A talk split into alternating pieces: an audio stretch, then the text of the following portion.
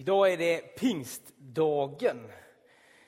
Det är alltså en, en kyrklig högtid som vi firar över hela världen.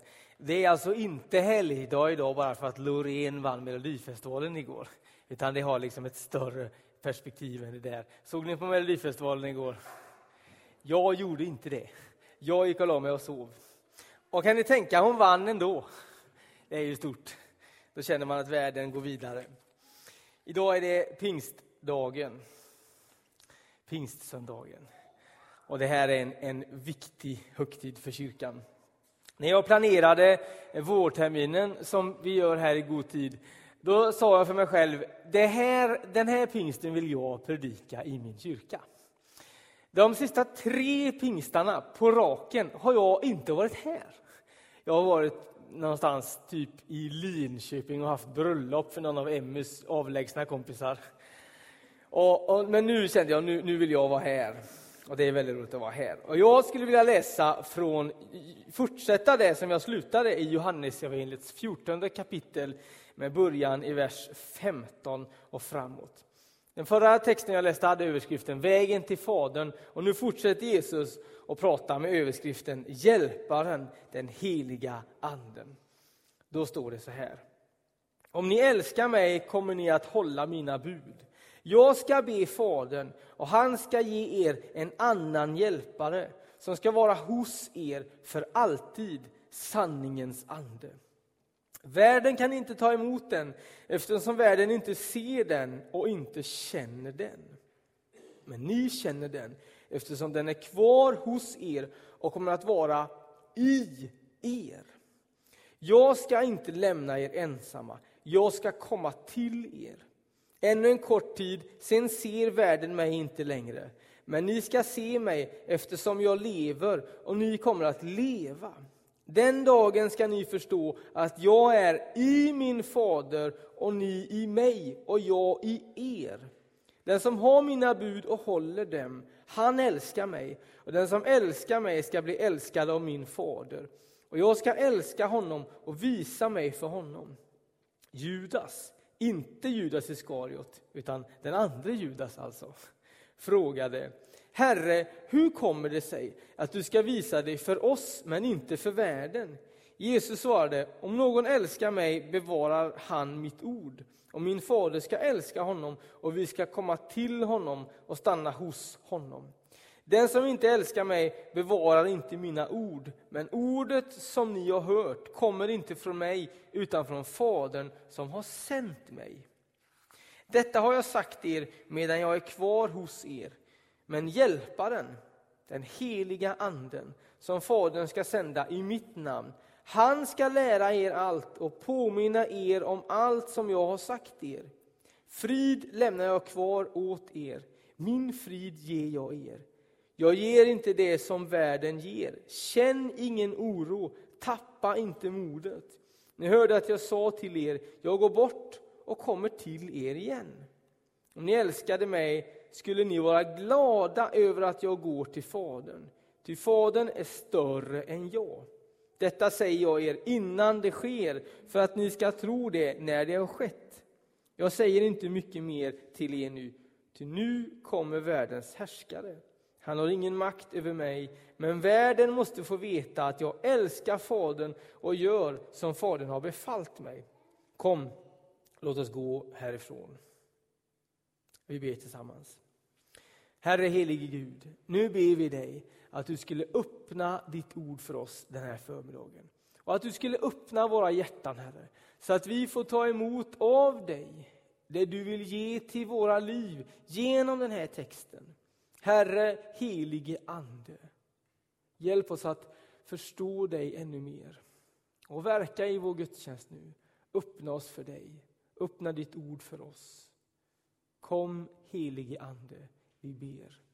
I Jesu namn. Amen. Det vi har läst nu tillsammans det har varit Johannes kapitel 14. När du lägger dig ikväll, så läs det kapitlet. Slå upp det i din bibel eller eh, sök dig fram till det på din telefon eller hur du nu gör. Men läs Johannes evangeliets 14 kapitel innan du går och lägger dig ikväll. Det är dagens boktips. Det är ett fantastiskt kapitel och det är början på det som kallas för Jesu avskedstal. Och Det som är lite underligt är att den här texten talar om pingsten som vi är i nu. Men när Jesus säger det, då är han mitt i påsken. Detta sker alltså på torsdagskvällen i påskhelgen, ni vet dagen innan långfredagen, innan påskafton, innan uppståndelsesöndagen. På torsdagskvällen där säger Jesus detta om pingsten. Och Det enda sättet för oss att förstå pingsten är att först förstå påsken. För det är genom Jesu död och uppståndelse som den helige Ande kan sändas ut över världen. När Jesus dör och återuppstår och öppnar vägen till Fadern igen, då står det att han ställer sig på Guds högra sida och säger det är fullbordat. Då kan Gud sända sin helige Ande över världen. Därför behöver vi förstå påsken. Och ur påsken kommer pingsten. Det är lite krångligt det här, jag förstår det. Men, och så sitter Jesus med sina lärjungar där kring nattvardsbordet. Han har precis instiftat nattvarden. Han har precis sagt till dem, gör detta till minne av mig. Och så lämnar Judas, förrädaren, gemenskapen och går iväg för att hämta de romerska soldaterna för att tillfångata Jesus. Och i detta lilla fönster som återuppstår från att Judas har lämnat dem tills att han kommer tillbaka med de romerska soldaterna. I den här lilla perioden, då har Jesus ett tal till sina lärjungar. Det är inget tal egentligen, det är mer ett samtal. Ni märker det i texten. Den ene Judas där ställde en fråga, och Thomas ställde en fråga och Filippos ställde en fråga. Det var liksom ett samtal. Och Jesus han lyssnar på lärjungarna och de får ställa sina frågor. Och så säger Jesus så här, känn ingen oro. Det är en rätt så speciell formulering i den här situationen. Lärjungarna vet hur det står till. De vet att soldaterna konspirerar och planerar att ta till fånga Jesus. Och Det är liksom en väldigt ansträngd situation. Och så, så går Judas iväg och någon kanske anar vad som är på gång. Och i denna otroligt oroliga situation säger Jesus, känn ingen oro. Det är en, eh, på ett sätt en nästan liten tyken kommentar. Det är som att säga till någon som står och fryser vid busstationen en vinterdag och den har glömt sina långkalsonger hemma. Så säger man, frys inte så mycket. Det hjälper liksom inte. Det är ungefär som när man säger till någon som, som är jätteblek och som ligger i solen, bränn dig inte. Alltså man, det är bättre att säga, lägg dig i skuggan. Men Jesus säger till lärjungarna, känn ingen oro. Tro på Gud och tro på mig. Och så förklarar han för dem varför de inte behöver vara oroliga. Och så tar han dem i handen och så liksom leder han dem genom det här. Och så använder Jesus eh, det här, nu vänder jag mig till dig Yvonne, vad kallas det du vet, här, i, på och vid? Preposition. Han använder prepositioner. Visst är det ett fint ord? Det handlar om position. Och så säger Jesus, jag ska komma till er. Jag ska inte lämna er ensamma, jag ska komma till er. Och sen så använder han det här ordet i väldigt mycket. I. Så säger han, jag är i Fadern. Fadern är i mig. Jag är i er. Ni är i mig. En sån här liten bokstav som kan betyda så väldigt, väldigt mycket med ett helt ord. Som ju betyder att i, det finns inga gränser. Vi är inte längre bredvid varandra, vi är i varandra. Vi går så nära varandra att gränserna är utsuddade. Och när Jesus ska förklara Gud, då säger han så här, jag är i Fadern och Fadern är i mig och ni är i mig. Och så anar vi liksom lite grann av det som kallas för treenigheten. Och vi har en väldigt fin bild på det i vår kyrka, nämligen här. Ni ser att det är en stor cirkel och i den här cirkeln så är det tre cirklar som ju hänger ihop. Och så säger Jesus, jag är i er, ni är i mig, Fadern är i mig, jag är i Fadern. Och det säger han för att han vill beskriva att det är ingenting som man klär på sig eller som man liksom spelar, utan det är en äkta position, nämligen i er. Jag ska inte lämna er ensamma, säger Jesus. Jag ska komma till er, i er. Och så har vi i kyrkan ibland försökt förklara Gud och så har vi varit ganska bra på att förklara Jesus. Det finns ju bilder på honom som vi har målat. Och så säger vi han är en människa och det kan vi förstå. Och sen så säger vi Gud Fadern kan vi förstå. Alltså de flesta av oss har ju en far. Bra eller dålig, men vi vet i alla fall vad det betyder. Och sen när vi kommer till att förklara den helige Ande, då har vi ibland i kyrkan förklarat honom på samma sätt som man förklarar ett spöke nästan. Som en, liksom, en personlös väsen liksom, som, som, som är väldigt okonkret och liksom flytande på något vis. Men Bibeln talar om den helige Ande som en person. På engelska säger man ibland väldigt slarvigt the Holy Ghost, alltså det heliga spöket. Vilket är väldigt underligt sätt att förklara den heliga Ande på. Att den skulle vara liksom någon form av lakanbeklädd eh, uh, grej liksom, som, som släpar på någon form av eh, kedja eller så. Jätteunderligt. Jesus talar om den heliga Ande som en konkret person. Han ska komma till er, i er. Det är väldigt, väldigt annorlunda. Jesus har gått omkring på jorden och han har varit begränsad. Han kan bara vara på ett ställe samtidigt. Och även om det är tusentals människor som har lyssnat på honom så är han ändå begränsad. Men han säger, jag ska snart lämna er, men jag ska inte lämna er. Utan jag ska komma till er. Och så ska jag vara lika nära er som jag har varit nu, fast ännu närmare. Nämligen att jag ska vara i er, och jag ska vara i alla er som följer mig. Och därför så blir det liksom mycket mer heltäckande. Jesus och den kristna rörelsen blir inte längre begränsad till en person på så vis att Jesus är en kropp. Utan han blir i oss. Vilket innebär att vi får representera Gud när vi har fått den helige Ande i våra liv. Jag vet att det här är krångligt och det är bra. För då tänker man på det när man kommer hem sen. Och så tänker man, hur var det här egentligen med den helige Ande? Det är bra. Krångliga saker är bra. Jesus talar om den helige Ande. Och så när Jesus har uppstått igen efter påsken så, så säger han till lärjungarna så här, ta emot helig Ande. Och så andas han på dem. Ta emot helig Ande. Och då återställs någonting i människan. Ibland om man har en dator eller en telefon så, så kan man ibland liksom knappa in så här återställ till fabriksinställningar.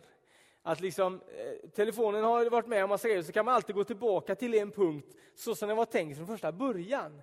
Och Det är lite grann det som händer när Jesus andas på dem, när han säger ta emot helig ande.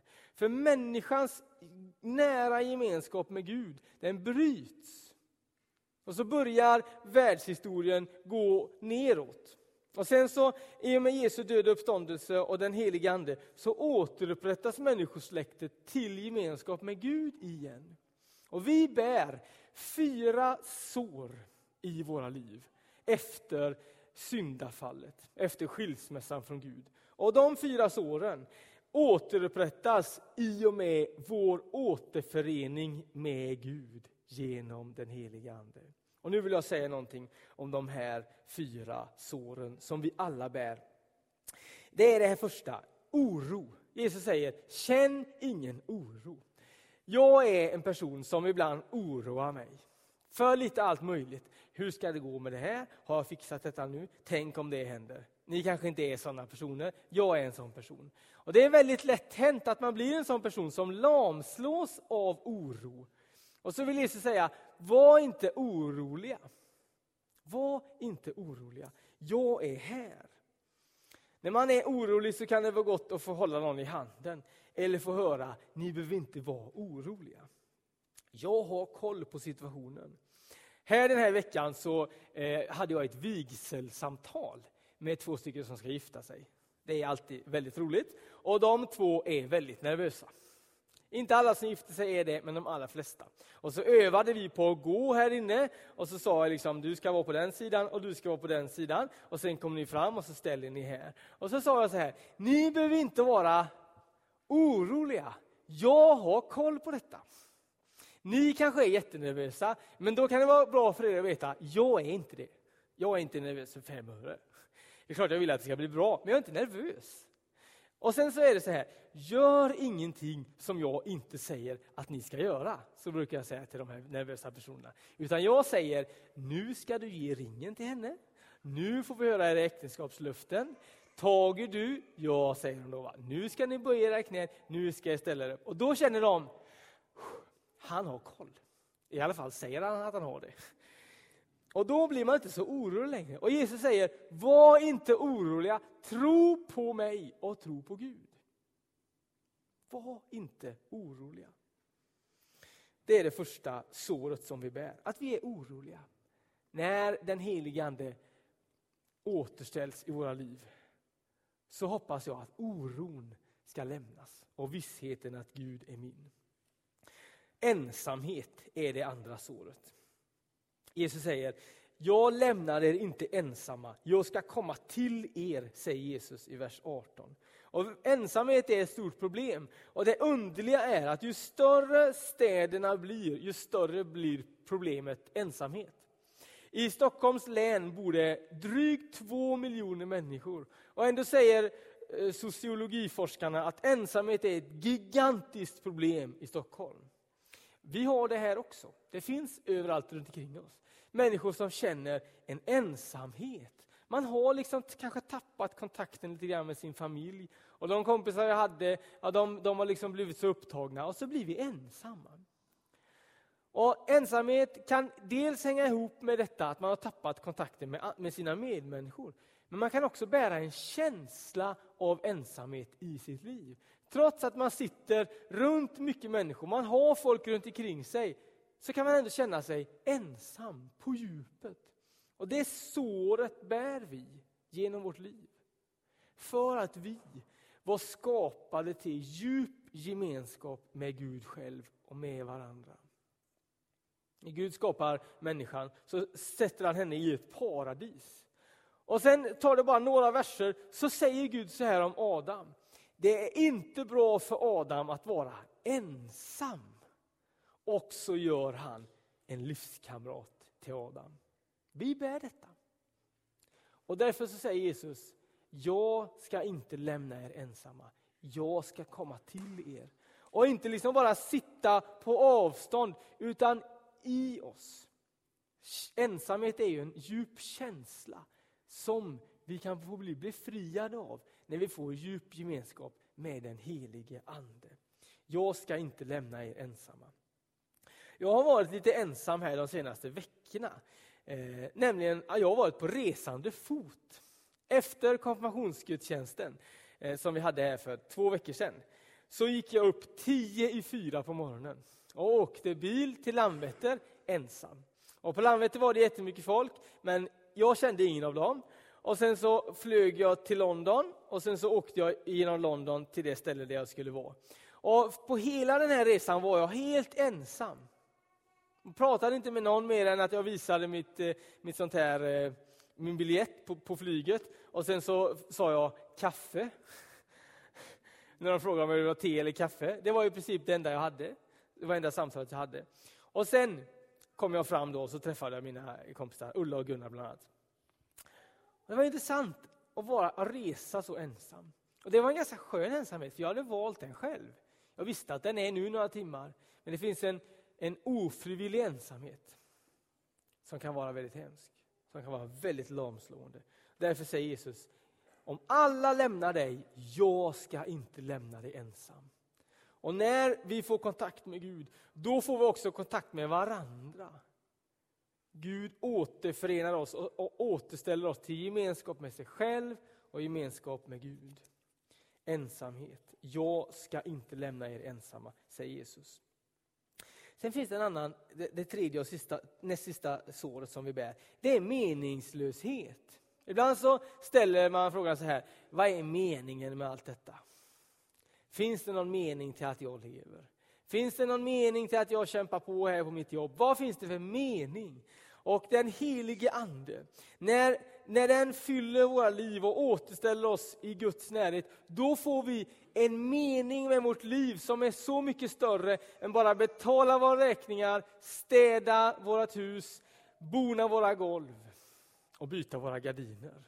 Vi får en mycket djupare mening. Kyrkans mening. Att predika glädje och befrielse till varje människa på vår jord. Det uppdraget, den meningen får våra liv när vi kopplas tillsammans med Gud. Sen finns det det fjärde och sista spåret som är sorg. Det är ganska lätt att bli ledsen. Och känna en sorg över allt det man har varit med om. Och tittar man på nyheterna och inte kan värja sig mot allt det där så kan man bli väldigt, väldigt ledsen. Det kan finnas en djup sorg i världen som kan drabba oss. Som kan drabba mig så att glädjen över att få leva tas ifrån mig. Och Det är ganska lätt att bli drabbad av det här.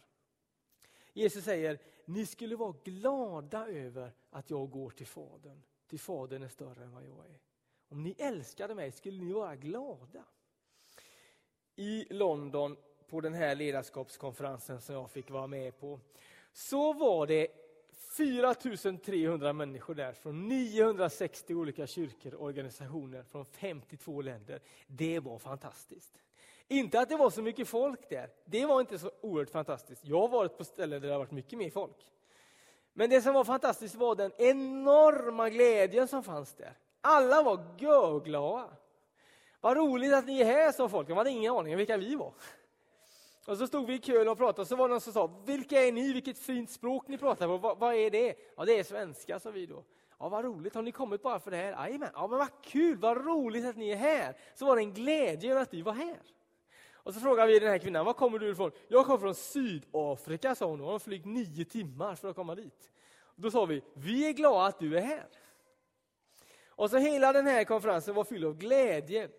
Och framifrån så sa de hela tiden, vad roligt att ni är här. Och de var glada. Och nu hoppas jag att jag inte gör någon illa här. Men sen flög jag till Linköping för att få med på Missionskyrkans kyrkokonferens. Och så var det en öppningsgudstjänst där. De sjöng och de predikade. Ingen var glad. Ingen. Det var fruktansvärt tråkigt alltså. Och jag tittade mig omkring och så tänkte jag, de, tycker de andra det är roligt? Alla satt sig. Alla utstrålar liksom, det här är viktigt. Det här är, det här är viktiga grejer. Och så var alla så buttra och kände, kommer det in någon här som inte fattar var han har hamnat så tror den att han är på en begravningsgudstjänst. Och så var det jobbigt liksom, det var tungt och det är svårt. Och jag tyckte det var görtråkigt. Glädje. Ni skulle vara glada, säger Jesus. Och så lunchade jag med några stycken där från, från en kyrka, eh, inte våran utan en annan kyrka, så sa jag, vad tyckte ni om den här gudstjänsten? Visst var det, varför är de inte gladare, frågade jag. Och då var det någon person som sa, men du vet, livet är hårt. Det är tufft. Det går inte att vara glad. Nej, kände jag, jag har missat allt. Kan man inte släppa fram glädjen? Alltså man kan välja här, tänker jag, dels som kyrka också som, som personer. Antingen väljer man, sig att, väljer man att tycka hur jobbigt det är att vara människa. Eller också väljer man att tycka hur glädjen över att få vara Guds barn. Att få leva, att få vara med. Och Jag tror att det är ett val man gör. Och Jag tror att den helige Ande vittnar om glädjen. Jesus säger, ni skulle vara glada. Jag vill vara glad, jag hoppas att du också vill det. Det fanns en gammal gubbe som hette Franciscus av Assisi. Han sa så här, jag har valt glädjen, för det onda orkar inte med glädjen. Därför är jag glad. Och så var han glad. Ni skulle vara glada över att jag går till Fadern, säger Jesus. Nu har jag pratat väldigt länge. Nu skulle jag vilja att ni vänder er om till varandra och i några korta minuter pratar lite med varandra om det som jag har sagt nu, om den helige Ande, om Jesus, om de här såren. Och så får vi prata några sekunder och sen så ska vi lyssna till en sång och sen så ska jag avsluta. Okej, okay? vänd er om till varandra, var snälla mot varandra när ni pratar. Och lyssna också på varandra så ni inte bara pratar i öronen på varandra.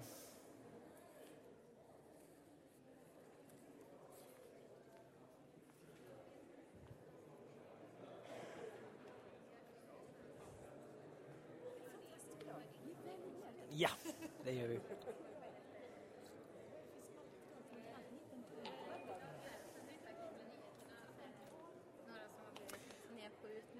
Om fyra minuter så spelar ni då, eller sjunger.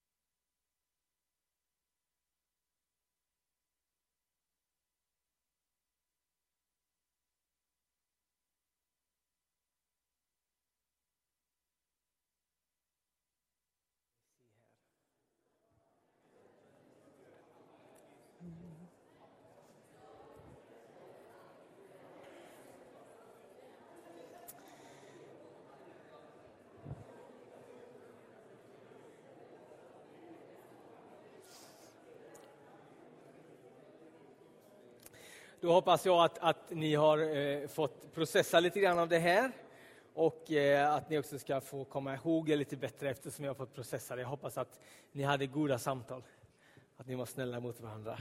Det är bra det. Jesus säger så här i, när, han, när han läser. Jag kommer till er och att, för att jag lever och ni ska få leva, säger Jesus.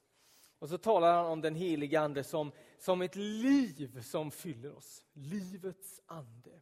Och så talar han om den obändliga glädjen över att få tillhöra Gud. Den heliga Ande ger oss kraft att leva de liv som vi är skapade till. Och leva de liv som vi har ännu mera fullt ut.